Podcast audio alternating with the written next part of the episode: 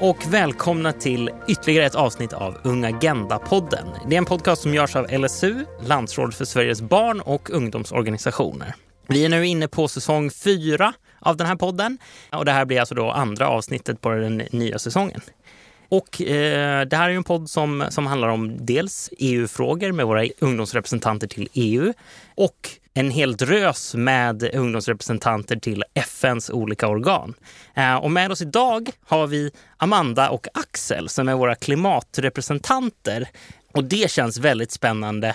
Eh, framförallt för att det kan ha varit ganska tyst om klimatet sista tiden. Eller liksom om de klimatfrågorna åtminstone. Och nu kommer vi ju närma oss snart eh, de olika klimatkonferenserna och de kommer vi prata mer om idag.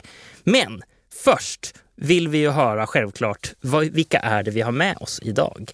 Så vi kan börja med eh, Amanda kanske. Vem är du och eh, hur kom du in på det här uppdraget?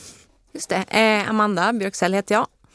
Eh, och jag är den här seniora ungdomsrepresentanten i klimat och miljöbiologisk mångfald har det blivit i år. Vilket innebär att jag gör mitt andra år och jag nominerades av Svenska kyrkans unga, för det är min moderorganisation. Så, så mitt klimat och miljöengagemang hänger ju väldigt mycket ihop också med, ja, med tro och religion och hur människan förhåller sig till naturen kan man väl säga. Okay. Hur, eh, hur går det ihop?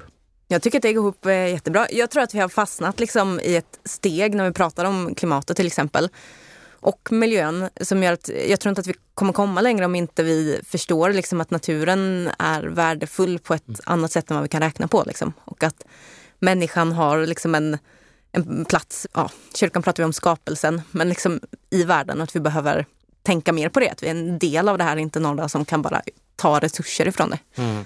Och när började ditt intresse för, för just de här frågorna på en sån nivå som, så att du kom in på det här uppdraget? Eh, jag är ju uppvuxen ute på landet så jag tror att jag när jag var ganska liten insåg att vi måste ta hand om det här. Mm. Så. Men sen så har jag tyckt att det är väldigt spännande med det som händer på FN-nivå för det är där man kan sätta ramarna så att de som är minst ambitiösa gör någonting. Liksom. Mm. Så jag tror att de som är väldigt ambitiösa, för dem då är det inte FN-förhandlingarna som sätter ramarna utan då måste vi göra mer. Mm. Men det sätter liksom en minimipunkt och då är FN-sammanhanget jätteviktigt. Så. Tack, spännande. Axel, vem är du? Jag vet att du är eh, Axel med oss på länk från Lund. Så att vem är du Axel? Jag är Axel eh, och eh, studerar i Lund där jag studerar teknisk fysik. Eh, men jag valdes till det här uppdraget genom Fältbiologerna som nominerade mig. Och mitt intresse för just det här uppdraget började egentligen, tror jag att jag fick höra om det 2021 när jag blev nominerad av Sveriges ungdomsråd. Men det var innan jag faktiskt hade hunnit engagera mig specifikt för klimatet, utan tidigare var jag mer för ungdomsinflytande. Men någonstans då insåg jag att jag, jag ville verkligen engagera mig för klimatet och senare insåg jag för miljön lite mer överlag och vi kommer nog komma in på den skillnaden lite senare. Men eh, så det var väl kanske där det började skulle jag säga. Tack! Och vi brukar göra, ha en liten tradition här i podden också att Ehm, man brukar få säga en, en favoritstad. Och idag tänker jag då, vad, eh, det finns ju faktiskt ett, en utmärkelse för vissa städer ibland och som, som klimatstad. Eh, jag vet inte om den bara är en svensk eh, uppfinning eller om den finns över hela världen. Men vad skulle ni själv välja, er personliga liksom, preferens för en bra klimatstad som har fattat det här eh, lite extra. Börja med Amanda. Eh, spännande. Jag är uppväxt i en stad som säger sig vara Europas grönaste stad för att man blev utnämnd till det för länge sedan. Men som inte lever upp till det. Så jag är lite besviken också på det här man säger att man är så himla gröna. Men det jag egentligen är imponerad av är väl, om vi tittar på alltså, i Europa kanske, så tycker jag att Finland gör jättemycket för klimatet nu. Och det finns en finsk stad eh, som verkligen, de, de, blir koldioxidneutrala. Liksom. Att ishockey, när det är liksom ishockeymatch så går tränaren ut och säger till att kör inte bil hit. Liksom. Ta bussen, det är coolt. Typ. Så att de har kommit jättelångt i sin omställning och visar att det faktiskt det går att bli, att, att nå liksom nollutsläpp eh, även i Europa. Så det tycker jag är imponerande. Sen tror jag att det är många städer i andra delar av världen som har en annan kanske syn på hur mycket utsläpp vi behöver få eller som kanske inte är så konsumtionsberoende som vi är, som jag tycker är imponerande. Tack. Du kommer inte ihåg namnet på den finska staden? Nej, inte så här på fot. Jag Nej. visste inte att jag skulle få nämna. Nej, precis. Nej, det, är, det är okej. Vi, vi kan ha det som ett litet mysterium här, i- här i podden. Kanske komma tillbaka till det någon gång. Vilken stad var det? Axel, nu har du fått fundera ett tag. Absolut. Eh, och det hjälper mig inte så mycket heller. Men eh, ja, överlag så har jag liksom svårt att komma på någon specifik stad. Jag brukar vara väldigt mycket inriktad på att ja, men där jag bor, där trivs jag ungefär. Så att jag, jag tycker väldigt mycket om Lund. Men jag tror inte riktigt att det är liksom den bästa klimatstaden, ärligt talat. Utan jag, jag tror att den bästa klimatstaden är nog någon som jag inte ens känner till. Någon som ligger ja, någonstans jag aldrig ens har varit. Och ja, helt enkelt någon som inte lämnar så mycket avtryck efter sig. Och det är lite synd att, den inte, att jag inte känner till den, men jag, jag tror att det är någon sån stad. Okej, vi, får, vi får hoppas att, att, eh, att på era, era resor och era uppdrag så kanske ni stöter på den här staden eller eh, byn eller vad det nu kan vara som, som gör det här lite lilla extra för att göra sitt. Vi pratade ju förut, precis som Axel var inne på, vad som skiljer klimat och miljö. Jag tänker att det kanske är en bra utgångspunkt att vi bara reder ut de här två begreppen innan vi går in på resten. För att där är någonting som jag kan känna mig ganska vilsen i. att Vad, vad är den stora skillnaden? Jag kan tänka mig att miljö kanske kan ha andra betydelser också. Just för att vi i poddstudion här så befinner vi oss i en miljö så det kan också betyda olika saker medan klimatet känns lite mera fokuserat ord. Eh, Men ni som är experterna här, vad, eh, vad skulle ni säga är er definition av klimatet och miljön? Jag kan börja försöka så ser vi. Jag, jag, jag skulle säga att miljö är lite mer övergripande och eh, skulle säga att det motsvarar det som på engelska kallas för environment. Och det finns egentligen, jag skulle säga tre stycken huvudsakliga liksom, kategorier inom det. U- ungefär så som FN definierar det. Det första är klimat och det handlar om temperaturen i luften, vädret över lång tid, det vill säga det är vad som definierar klimatet. Eh, sen har vi biologisk mångfald och natur. Det är liksom en annan kategori.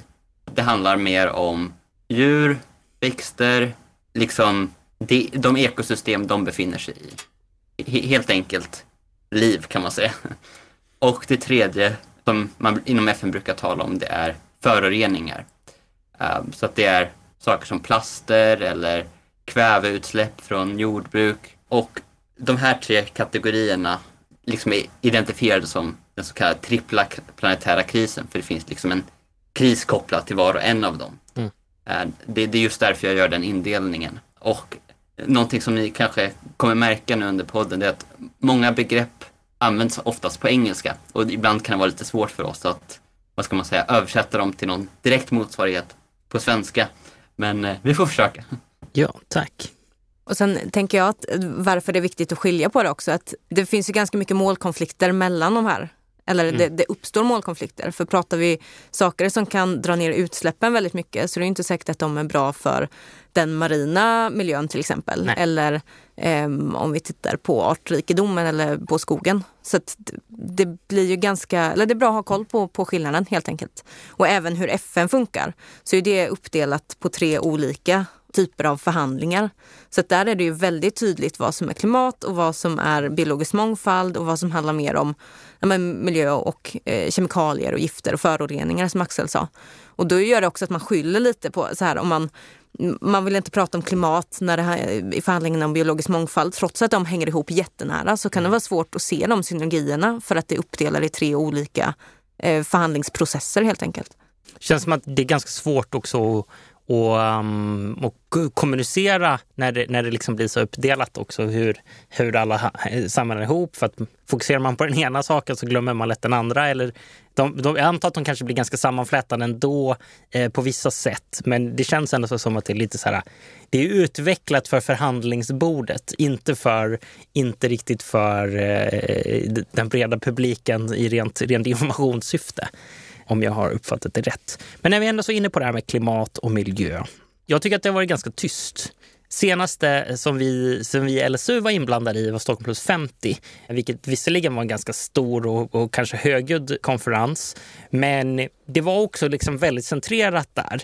Så att efter det så, så har det varit ganska mycket radio silence eh, överlag om klimatfrågor eh, eller, och också miljöfrågor och, och allt möjligt. Valläget var inte alls särskilt mycket om klimat och miljö.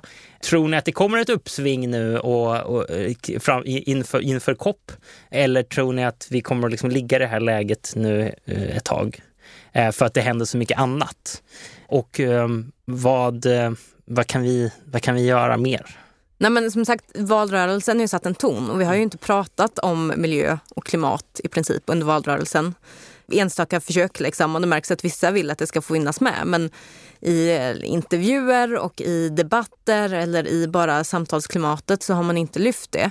Eller så har man reducerat klimat och miljö till att bara handla om energifrågan. Och det är klart att energifrågan leder till, det är ju en utsläppsfråga också, så att det finns ju inom klimatet, men det är bara en liten del av det. Och dessutom har vi inte pratat om, här i Sverige har ju diskussionen inte varit, okej okay, hur kan vi minska vår vår påverkan. Mm. Hur kan vi också så minska vår eh, materiella konsumtion eller liksom vår användning av el? Utan allt utgår ifrån, okej okay, hur ska vi betala så lite vi kan för fossila bränslen? Så. Eh, och det har ju på något sätt satt tonen tror jag. Sen var COP26 var en sån här super-COP. Mm. Eh, vart femte år så ska alla länder lämna in sina utsläppsminskningsplaner. Man skulle kolla om Parisavtalet faktiskt funkade. Det var jättemycket uppmärksamhet och det, det ser vi inte riktigt nu, vilket är Alltså jag, jag, blir väldigt ledsen och frustrerad när jag tänker på det för att man pratar mindre om de här frågorna. Samtidigt, eh, Johan Rockström eh, som är forskare från Sverige, han eh, är i Tyskland nu, men han kom ut med en ny bok precis där han visar på att, för att nu är vi ju på väg upp mot de här två gradernas uppvärmning. Mm. Vi ligger på 1,2-1,3 graders uppvärmning redan nu, men ser väl att fortsätter vi så kommer vi gå över. Och då kan vi prata om att ja, men klimatet har blivit varmare och kallare när människorna har levt på planeten. Men det han gör nu är att han zoomar ut och så ser han att under den tiden som vi har levt som människor på planeten, alltså som det spektrat när vi kan överleva i princip mm. pratar han om. Då ligger vi på att det diffar ungefär mellan minus 4 och plus 2 grader från en en, eh, en medeltemperatur. Vilket innebär att vi människor hade levt på den här planeten med mer än två graders uppvärmning. Det går liksom en gräns på något mm. sätt. Och där är vi ganska nära nu. Och forskarna blir mer och mer pessimistiska samtidigt som vi tänker mindre på det också. Jag tror inte att det är att människor inte bryr sig.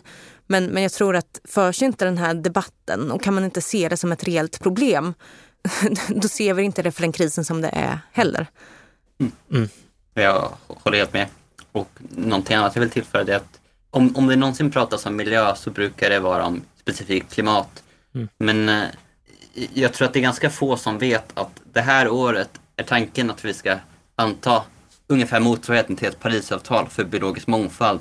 Det vill säga sätta mål för de kommande tio åren som är helt avgörande för vår möjlighet att ha liksom en fungerande natur efter 2030. Och det här toppmötet för biologisk mångfald som ska ske i december, det har skjutits upp tror att det är fem gånger. Dels på grund av pandemi och ja, det finns många olika faktorer men det har främst varit pandemin. Och det är väldigt få som vet om det.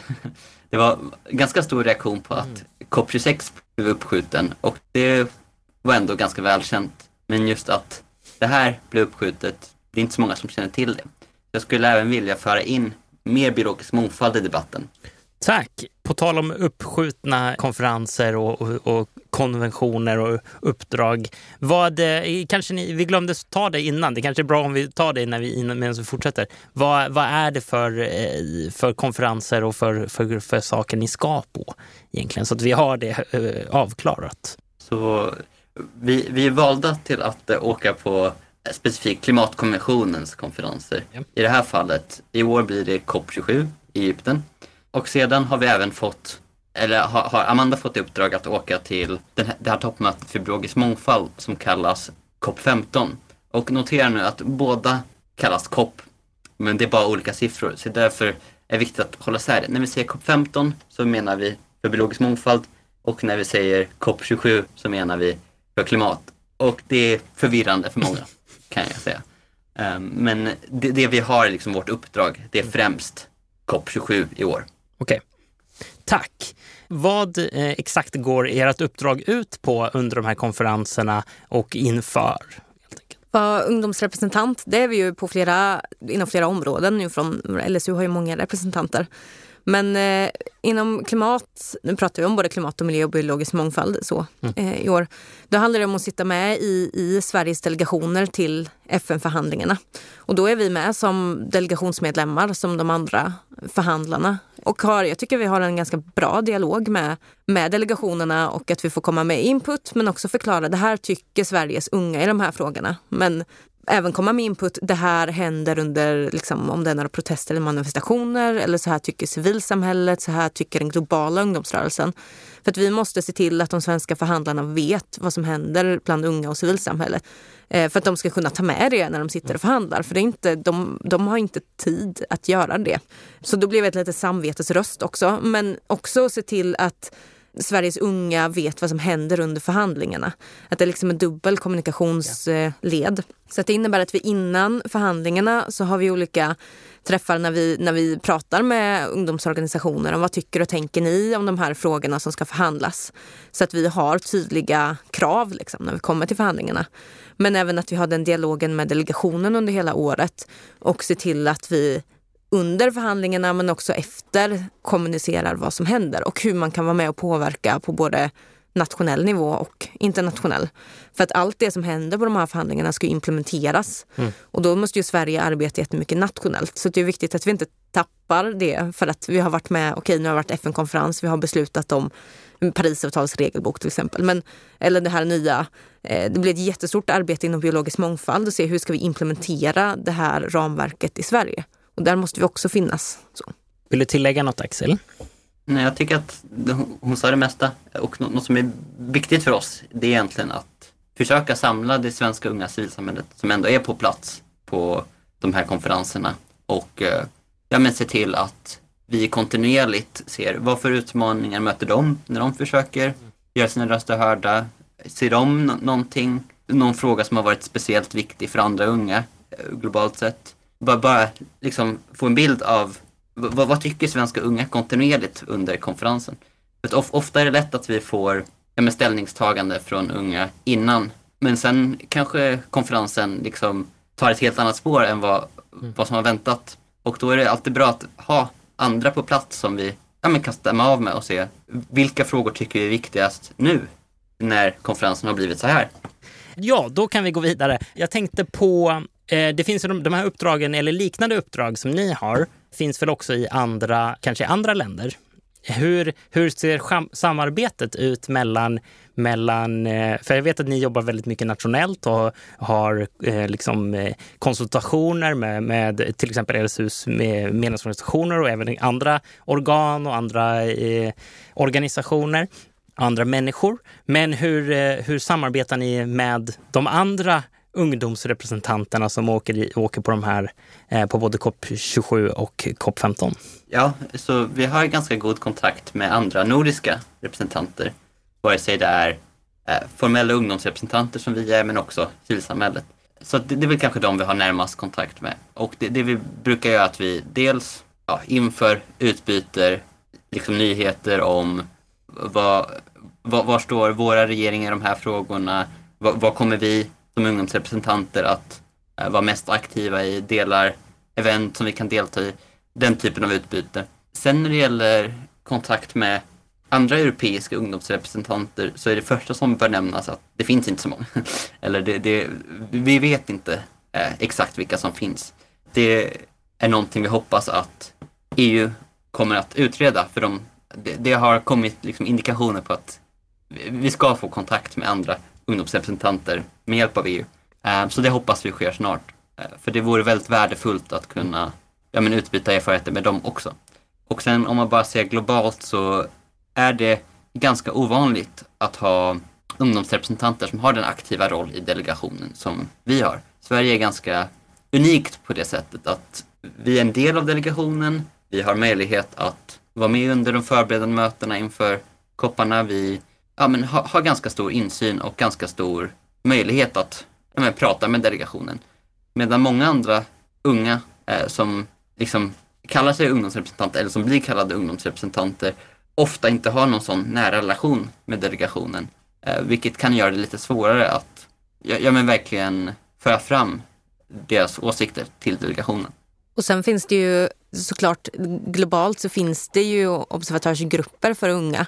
Både inom klimatförhandlingarna, miljöförhandlingarna och EU biologisk mångfald. De har vi också mycket kontakt med. Och där, de tar ju fram liksom statements och får tala under förhandlingarna och lyfter liksom, eh, den globala ungdomsrörelsen.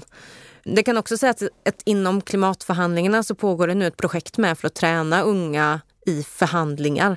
Mm. Att, att det finns ett eh, Youth Negotiator Program kan man säga, som Axel är med i, för, för, att träna så att, så att unga kan ta den rollen. Men vi tycker också att det är viktigt att, att inte bara att, det är klart att vi tycker att det måste finnas unga som förhandlar och att det är ett jätteviktigt steg. Det gör till exempel ungdomsrepresentanterna i, i Mexiko. Men det finns en väldigt viktig funktion med att ha någon i delegationen som ska representera unga eller representera urfolk eller representera civilsamhället som inte är bundet av att nu måste jag representera min regerings linje för att vi är ju vi ska ju representera Sveriges unga liksom. mm. och då får vi säga det vi tycker. Men så fort man ska förhandla så blir man lite låst på ett annat sätt. Så att, det ska finnas unga som förhandlar men det behövs också ungdomsrepresentanter som kan pressa eh, lite mer. Och vad tycker Sveriges unga? Vad är de viktigaste frågorna inför årets eh, konferenser? Vad är de viktigaste frågorna då? Man kan väl säga att eh, den stora, stora snackisen, om vi börjar med klimatförhandlingarna för att de är närmst, så handlar det om eh, finansiering och skador och förluster. Alltså finansiering när det inte handlar om att anpassa sig längre. När det inte mm. handlar om att minska utsläppen, när det inte handlar om att anpassa sig utan när klimatförändringarna har drabbat så hårt så att det handlar om att att bygga upp så man klarar sig. Om det har varit en översvämning eller om havsnivån höjs så mycket så att nu, nu handlar det om att liksom, antingen bygga upp resiliens men mm. verkligen när, när det inte längre kan kallas anpassning. Och det finansieras inte som det ser ut idag utan man pratar om anpassning och man pratar om utsläppsminskning. Men efter Glasgow och efter förhandlingarna i juni det som kallas för SB-sessionerna, alltså de som är mellan klimatkopparna, så har det vuxit till något som det kommer tas upp nu. För att länder i globala syd, eh, speciellt önationer har tryckt på det här, men man ser att vi, vi, måste, nu påverkas vi så mycket så att nu måste vi kompensera. Mm. Nu måste vi gå in och betala. Och då är det ju en enorm klimatfinansiering som behövs. Men framförallt så tycker ju vi som Sveriges unga att man måste erkänna att det finns något som heter skador och förluster. Vi kan inte säga att det det här är anpassning. För det är också ett sätt att mildra det och ta bort lite av vårt ansvar. Så nu blir det mycket en ansvarsfråga och det kommer bli jobbigt för att det handlar om, om mycket om finansiering. Så, så det är ju en sån stor fråga. Och sen så tror jag också att ja, men fossila bränslen kommer komma upp nu med dels energikrisen så, men också för att det togs upp i texterna under COP26. Men när det försvagades precis i slutet av förhandlingarna så sa man inte att man skulle fasa ut fossila bränslen utan fasa ner och det vet vi fortfarande inte vad det betyder. Så att där pushar vi också på att vi måste fasa ut fossila bränslen. Och det lite läskiga i den frågan är att eh, man kan se nu att många europeiska länder nu när vi drabbas av klimatkris eller energikrisen inte ser lika allvarligt på klimatkrisen. Att vi har lite svårt att fokusera på klimatet nu. Och det är klart att då tittar ju andra länder på oss som står i andra kriser mm. som drabbas hårt. Och risken är ju att de tittar på Europa och säger att ja, men ni prioriterar ju inte klimatet bara för att era energipriser och bensinpriser höjdes lite. Hur ska ni kunna tro att vi ska göra det? Så det krävs ju ett enormt ledarskap i den frågan. Och det förra klimatförhandlingarna var ju i Glasgow i Skottland och det var det COP26. Mm. Och där togs många bra beslut och där inte tillräckligt ambitiösa men man tog små steg framåt. Och då pratade man mycket om utsläppsminskning så att det man tror nu är att den koppen som kommer nu, COP27, kommer prata mycket om ja, men mycket anpassning eller måste vi implementera saker. Mm. Tack. Axel, vad tror du blir eh, det viktigaste under konferenserna? Ja, jag tycker att man täckte det bra kring klimatkoppen och överlag så är båda de frågorna enormt viktiga för unga civilsamhället baserat på vad vi har fått in i, när, när vi har pratat med dem. Och sen när det gäller biologisk mångfald så skulle jag säga att en, en av de starka tendenserna är att det unga svenska civilsamhället nås liksom inte så mycket av vad Sveriges position är och vad kommer egentligen förhandlas utan den konventionen är ganska okänd överlag. Inte för att uh, unga inte försöker utan bara att det är inte så synligt. Eh, men någonting som överlag är viktigt enligt många är att föra in mänskliga rättigheter i texten och se till att när vi pratar om hur stora ytor som ska bli skyddade områden för att rädda biologisk mångfald, att också föra in att det ofta är urfolk som bor på de landen och att de har, har rätt att bo där. Och bara föra in den aspekten att man kan inte bara sätta undan liksom skyddade områden var som helst i världen utan man måste också tänka på de människor och lokalsamhällen som finns där. Eh, så det, det är en viktig del. Och en annan viktig och väldigt teknisk del som har dragit ut en del på tiden, det är rätten till genetiska resurser, vare sig det är liksom innehållet i fröer, att eh, man, man, kan liksom inte ta en, en art som hör till eh, ett visst land i världen eller eh, som helt enkelt har sitt ursprung i ett visst land och sen använda den över hela världen eh, som om den, den, var helt gratis utan mm. man måste erkänna att det finns rättigheter till det egna landets och den egna regionens biologiska mångfald. Um, och det, det, handlar mycket om bara vilka arter och vilken genetik finns där. Uh, men det är väldigt tekniskt och ja, det, det, är svårt att sätta sig in i det för mig i alla fall. Jag bara tänker att det genomgående där, både när man pratar om det här, till exempel ska man hur ska man kompensera de länder som har den här stora artrikedomen? Mm. Men också hur ska vi kompensera de länder som har våra naturresurser som ska hjälpa oss att klara klimatkrisen till exempel. Om vi pratar om skogen eller våtmarker eller andra, andra miljöer som är väldigt viktiga. Det är ju ofta de länderna som eh, kanske inte har mest pengar eller mest eh, makt heller. Så det är mycket en rättvisefråga både inom länder och mellan länder. Och den, den dynamiken finns ju både i förhandlingen om biologisk mångfald och om klimat. Och det tycker jag att det är ju någonting som ungdomsrörelsen lyfter väldigt tydligt, att det här är en rättvisefråga. Liksom. Och det utmanar, för då handlar det liksom om att få skjuta makt. Och eh, ska man få skjuta makt så måste det bli jobbigt, annars har man inte gjort någonting. Annars har man inte eh, lyckats. Mm. Vad, vad oerhört spännande. Eh, om jag ska samma, försöka sammanfatta här nu så som jag förstår det så är de viktigaste frågorna i, inom biologisk mångfald så handlar det om mänskliga rättigheter. Det handlar om resurserna kopplat till genetiska biologiska mångfalder helt enkelt. Alltså det som finns på ett ställe ska man kunna nyttja det som man vill överallt och en maktbalans i hur rättvist är det att alla sitter på, eller ett ställe sitter på jättemycket skog eh, och, och hur, hur, hur tar man hand om det? Hur, hur handskas man med det och hur, hur det eh, fungerar? Och kopplat till klimatkonferensen då så, så har vi finansiering och då min egen tolkning blir lite grann då att det, det som man ser idag vid olika, olika specifika katastrofer handlar mer om någon slags akut stödpaket. Och här om jag tolkar dig rätt Amanda så handlar det kanske mer om att vara proaktiva i sin finansiering eller i, i, i hur man ska liksom ekonomiskt kunna eh, eh, vara proaktiva i det här att det inte ska behövas stödpaket utan att snarare så ska vi ha väldigt, väldigt bra koll på saker och ting, både ekonomiskt men också hur det fungerar och hur det, hur det bör eh, vara. Har jag, har jag gjort en rätt korrekt tolkning då? Eller? Absolut, och du sätter lite fingret på ett av sakerna som man diskuterar med, att vad, vad är skador och förluster? Mm. Ska vi räkna in mycket av det humanitära mm. biståndet då till exempel och vilken budget ska vi ta det ifrån? Men, men det handlar mycket om det som du säger, att, att det jag brukar tänka att anpassning kan man också tjäna pengar på för att det mm. kan bli en investering. Och då kan vi också vara ganska från länder i nord. Så här, att, ja, men okej, vi investerar i det här för att man kommer kunna tjäna på det.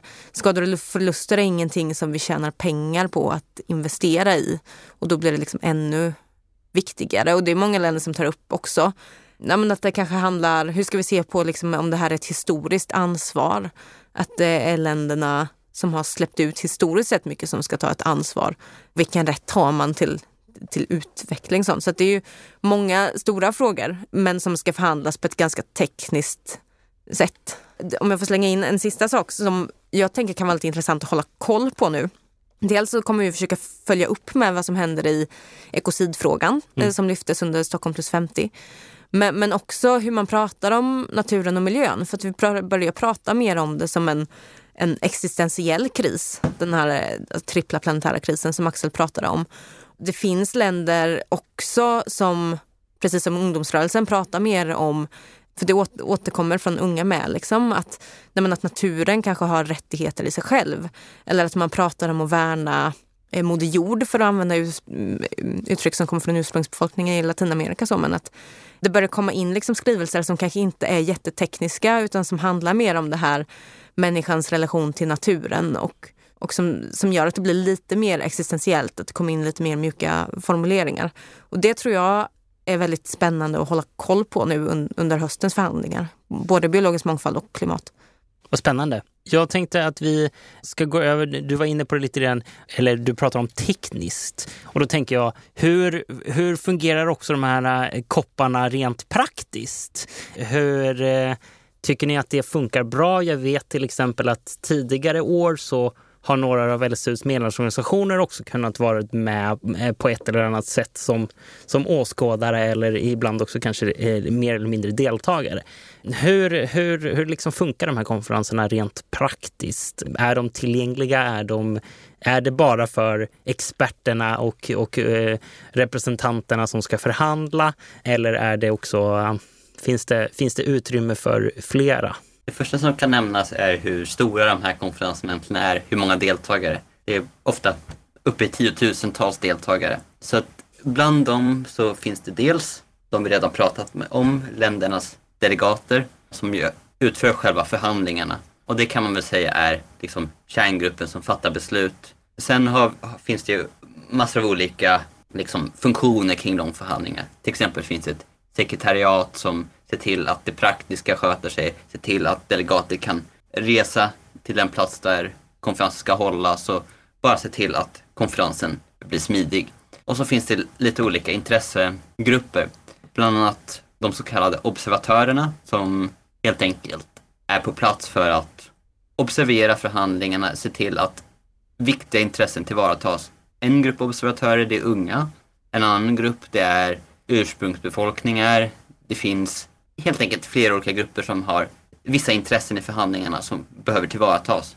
Det är också väldigt vanligt, som du sa, att forskare och experter är på plats eh, för att föra in sin kunskap i förhandlingarna och helt enkelt lite konsulta förhandlarna så att de använder rätt fakta och sådär. Sen frågar du också om de här kopparna är tillgängliga och det varierar ganska mycket. Det är egentligen, det kanske blir ett långt svar men eh, Förhoppningsvis blir det bra. Eh, så i både klimatkonventionen, UNFCCC, som vi då är representanter inom i vårt uppdrag, och eh, vad är det? konventionen för biologisk mångfald. Och, vad sa du? Vad betyder de två? De två? Mm. UNFCCC, eller UNFCCC som det kallas lite kortare, det står för United Nations Framework Convention on Climate Change. Och det finns en anledning till varför vi kallar det antingen klimatkonventionen eller UNFCCC. Och CBD, det är UN Convention on Biological Diversity. Och det är helt enkelt konventionen kring biologisk mångfald som är toppmötet i december som Amanda kommer representera oss i. Och inom båda de här konventionerna så har det de senaste åren varit en hel del problem med tillgänglighet. Äh, inom CBD så har förhandlingarna de senaste åren varit digitala eftersom att konferensen COP15 har skjutit upp så mycket. Och anledningen till att man ändå har valt att ha digitala förhandlingar är att frågan har liksom inte kunnat vänta. Det har funnits vissa akuta saker som behövt lösas och man har liksom varit osäker på hur mycket man kommer hinna få plats med under ett toppmöte. Och därmed så har mycket varit digitalt. Och just att det varit digitalt har varit svårt för en del, både observatörer att delta, just för att de inte haft de tekniska förutsättningarna, att det har kostat för mycket att ha tillgång till internet eller att det inte funnits nödvändig infrastruktur för att ha stabil uppkoppling i deras land. Men det har också gällt faktiskt delegater, de som faktiskt ska vara aktiva i förhandlingen och, och förhandla. Att de på grund av tekniska problem har kastats ut ur mötet eller ja, men helt enkelt inte kunnat framföra det de eh, skulle säga. Och det är ju ett väldigt stort problem när det gäller tillgänglighet. Att det ska inte vara de länder som har bäst uppkoppling och som råkar ha den bästa infrastrukturen som ska, alltså för just det här digitala som ska ha mest makt i förhandlingarna. Utan alla länder är jämlika under konventionen och då är det viktigt att de också deltar på samma förutsättningar. Så det är väl en stor ojämlikhet och en stor otillgänglighet inom CBD. Och inom eh, klimatförhandlingarna kan man väl också säga, men precis som i andra förhandlingar, att dels är det problemet där med digitalt. Man tänker att det ska möjliggöra för många fler och det är klart att det har gjort det.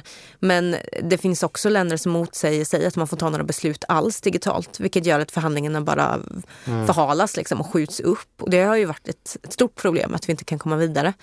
Men så vill jag ändå nämna med, med de här stora konferenserna att det är superviktigt att unga och civilsamhället finns på plats. Det var påtryckningar från civilsamhället som gjorde att Parisavtalet tog med den här gränsen på 1,5 grad och inte bara hade två som inte ens var liksom, det var byggt mer på vad man skulle vilja, inte på vad vetenskapen. Så det är superviktigt att, att vi är där. Men om man tittar på till exempel nu i Egypten, då kommer förhandlingarna vara i Sharm el-Sheikh vilket är en eh, badort i princip. Så att det finns inte, som det, som det brukar göra när man har klimatförhandlingar med, så finns det ofta möjlighet att bo på typ Airbnb eller hostel eller på andra sätt som, som gör att unga och organisationer kanske har råd att åka dit. Men nu är det jätte, det har varit jättesvårt nu inför Egypten att, att hitta boenden som faktiskt eh, man har råd med, både, både förhandlare och, och civilsamhället. Och det slår ju hårdast mot de som mest behöver finnas på plats. Mm. Så, så det, det, blir ju ett demokratiproblem också när det är så tydliga praktiska eh, aspekter som gör att vi inte kan vara på plats. Um, och det ska inte vara, jag tycker inte det ska vara så hur dyrt som helst att finnas där för det blir väldigt exkluderande. Det förstår jag verkligen. Vad, finns det någonting som som, eh, vad, vad, är det för någonting som skulle behövas mer då? Digitalt så förstår jag att det handlar om infrastruktur i många länder och många delar. Men, men eh, till exempel för Egypten då, vad, vad, är, det, är det e- enbart finansiering eller kan, det, kan man lösa det på andra sätt? Borde, borde FN själv göra mera saker eller, eller borde vi hjälpa till härifrån? Det är klart att man kan göra på många sätt. Det borde finnas boende som inte är på ett lyxhotell mm. såklart. Mm, och det tycker jag är uppgiften. Om man tar sig an att ha en kopp så ska man också ta sig an den mängden folk som, som kommer dit. Glasgow så bodde ju många i Edinburgh till exempel eller i byar runt omkring för att man skulle få plats. Och nu i år handlar det om att eh, Egypten har pratat mycket om att det ska vara en så otroligt inkluderande kopp och civilsamhälle och unga och sånt. Och när det kommer till det praktiska så har vi inte sett det än.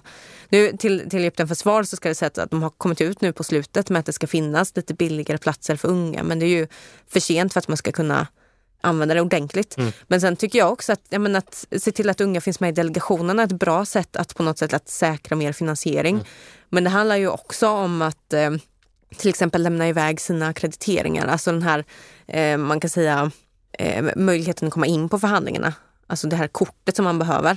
Att det är många organisationer som inte använder sina men ser till att det är unga som får dem och unga mm. från Globala Syd.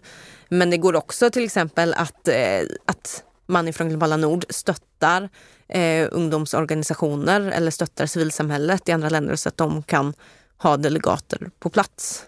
Vi ska snart eh, avrunda lite grann, men först, när ni kommer till Egypten nu, hur, hur ser en ordinarie dag ut för er? Och jag kanske antar att sen för, för COP15 och Kanada, där kanske man inte riktigt vet den, för det är första gången vi ska vara med på det. Ja, sen är ju förhandlingarna, FN-förhandlingarna, det är klart att det är olika teman och det är olika mycket som händer runt omkring men själva kärnan är ju ganska likt hur man sitter och förhandlar och i vilka grupper. Och sen så är vi med på delegationsmöten också med svenska delegationen. Träffar de unga som är på plats, eh, andra ungdomsrepresentanter men civilsamhället, se till att ha en dialog. Um, och sen finns det något som heter side events med, alltså sid, mm. eh, sidoevent där vi ibland är med. Eh, också för att komma med ungdomsperspektiv. Och då handlar det inte det om förhandlingar utan ja, men det är som små workshops och seminarier och paneler som händer runt omkring. Så det är väl det mycket man gör. Man går upp på morgonen och ofta vet man inte precis vad man ska göra för att schemat kommer ut samma dag för förhandlingarna. Så det får vara mycket flexibelt så. Men antingen sitter förhandlingar, ta fram positioner, ha delegationsmöten. Ibland får vi prata med, med media också som är där. Och sen se till att liksom koordinera sig med andra unga så att vi kan stå starka tillsammans. Mm. Spännande. Det kommer ju att vara eh, möjligt eh, att följa er också, både på kanske era egna sociala kanaler men också framförallt på LSUs under de här konferenserna. Så det, det kan man se fram emot. Vi har diskuterat vad, vad Sveriges unga anser behöver göras. Det var, vi pratade om finansiering, vi pratade om få in mänskliga rättigheter på det mänskligt perspektiv, på, på biologiska mångfalden på ett annat sätt. Vi har pratat om eh, om, om eh, hur, hur miljön, klimatet och biologiska mångfalden hänger ihop, eh, hur det funkar. Och samtidigt så har vi konstaterat att det är lite tyst om det här och, och, kanske lite oroväckande tyst till och med. Som ju, där, där andra saker får ett väldigt mycket större utrymme och, och perspektiven förändras och, och fokuset förändras. Och det kanske också finns vissa krafter som, som, som vill att fokuset ska förändras också. Hur kan man då som ung, och eh, med ung så menar jag upp till, upp, åtminstone till min ålder, så upp till 35 kanske någonting sånt, upprätthålla det starka engagemanget eller, och, och känna att det är värt att, eh, att fortsätta? Och hur, har ni några konkreta tips? Hur gör ni själv för att liksom orka hålla på? Framförallt så tycker jag att att engagera sig för klimatet med andra, eller okej, okay, att engagera sig för miljön, jag vill vara noga med det ordvalet, det ger mig energi och det, det får, får mig att känna att jag gör någonting väldigt meningsfullt. Jag vill särskilt betona just att göra det med andra, att veta att det finns andra som har samma mål, andra som också vill att ungas röster ska höras i de här sammanhangen. Bara liksom den vetskapen ger mig energi. Men sen delar jag den känslan som jag vet att många andra bär på att det, det kan kännas som ett väldigt stort krav att jag ska rädda världen, jag ska göra så mycket jag kan för att eh, vår planet inte ska ja, men dö eller nedgraderas till den grad att den inte går att leva på. Och eh, det kan vara väldigt tungt att bära det. Och jag, eh, det, jag tror att det är ganska svårt att hitta någon generell regel kring hur man löser det. Men jag personligen känner att jag har landat lite att jag kan inte göra allt som en enda individ och jag kan inte veta på förhand vad jag gör mest nytta eller äh, ens om jag har någon effekt i det, det jag gör. Men det jag vet är att jag har som syfte att göra de sammanhang jag träder in i lite bättre efter att jag träder ur. Eh, och om jag nu lyckas med det så är det fantastiskt och om jag inte gör det så har jag i alla fall försökt. Ehm, och det, bara den vetskapen ehm, gör, gör mig lugnare. Även om det finns vissa dagar när det känns tungt så har jag ändå hopp. Tack Axel. Amanda, hur gör du? Jag får nog instämma med Axel med att eftersom det ser så mörkt ut nu. Det är klart att det händer positiva saker. Ehm, att, att det går mycket fram. Näringslivet var ute med debattartiklar nu under valrörelsen och sa att politikerna ni måste skärpa er. Vi behöver högre klimatambitioner. Det för mig var en sån här shit, nu, nu, nu säger näringslivet det också. Alltså vi behöver ställa om, vi behöver ha en grön växling. Liksom. Men eh, sen tror jag att när det är så att, att göra någonting blir jätteviktigt. Jag, jag skulle nog inte kunna se mig själv i ögonen. Jag vet att jag har vetenskapen, alltså jag vet vad som händer, jag vet vad vi behöver göra, jag ser hur klimatet förändras och inte göra någonting. Det, dels så gör det kraft att göra någonting men dels så känner jag att nu, nu är vi i ett sånt läge att nu, nu, måste, nu måste jag göra det jag kan. Men sen tror jag också att eh, hoppet vi måste ha, att prata om hopp. Greta brukar säga det att kom inte till oss för att hitta hopp liksom, med unga utan hoppet ligger i, i agerande. Att det måste hända något och då måste ja, men politiker, näringslivet, alla de måste visa på något som kan ge oss hopp. Och det tror jag väldigt mycket på. Att, att vi ska ha ett hopp också som inte är naivt utan som är reellt. Och då handlar det mycket om att jag tror ju inte att vi kommer lösa klimatkrisen eller eh, den eh, massutrotningen av arter genom FN-förhandlingarna i höst. Men jag tror att det minsta vi kan göra är alldeles, alldeles nödvändigt och kan sätta en lägsta gräns. Men så, så hörde jag ett, ett citat i helgen som en, tror jag en, en eh, biskop, om inte från Sydafrika, som sa att när man, ja, när man inte ens ser ljuset i tunneln, hur ska man då ha hopp? För man brukar prata om att ja, men det finns ett ljus i tunneln, vi kommer dit. Men, men om man inte ser det, och då sa han att ja, men då får man tända ett ljus. Mm. Så man kan ta sig vidare tills man kommer ut, liksom, ser det riktiga ljuset. Och det tror jag på att då måste vi känna att vi gör någonting. Vi måste hitta något att kämpa för tills vi ser liksom, det riktiga ljuset i tunneln. För det finns någonstans mm. där. Jag tolkar det som att, som att eh, eh den yngre generationen eh, klimatengagerade är ljuset kanske? Ja, men, men, absolut så kan det vara. Men jag tror att det finns en fara i att lägga det på unga också. Ah. Mm. Det är som när man pratar om klimatutbildning, att så här, okay, alla unga måste få en bra klimatutbildning. Mm. Det är klart att vi ska ha en bra klimatutbildning för unga. Men vi måste ju sjutton utbilda alla de här eh, vuxna personerna. Nu så här, ja, för att det är på något sätt, vi, vi har inte råd att vänta Nej. tills att gymnasieungdomarna nu sitter på maktpositioner utan nu måste vi agera nu. Och då, då behövs allt. Sen är det klart att de unga kan vara inspirerande för att man går ut och demonstrerar och det kan göra att några andra agerar. Då är det jättebra. Mm. Men, men hoppet måste bäras av, av alla, liksom, tror jag. Jag vill verkligen bara instämma i det Amanda säger, att, att lägga bördan att skapa hopp på endast unga, det är inte rimligt. Något som verkligen ger mig hopp, det är när äldre generationer aktivt tar kontakt med unga, frågar vad tycker ni om det här? Och inte förväntar sig att de ska leverera färdiga svar, exakta fakta eller helt enkelt ha ett färdigt paket med lösningar. Utan möter dem där de är. Att vi unga är oroliga för vår framtid. Visst, vi har läst på. Visst, vi tycker att det är viktiga frågor och har engagerat oss i dem och har mycket kunskap och erfarenheter. Men man får också erkänna att vi har inte levt lika länge som många andra som har kanske ägnat hela karriär åt det här. Och när äldre generationer möter unga med den insikten och ändå vill ha ungas perspektiv på frågorna, just för att vi har starka känslor kring det här, det ger mig hopp.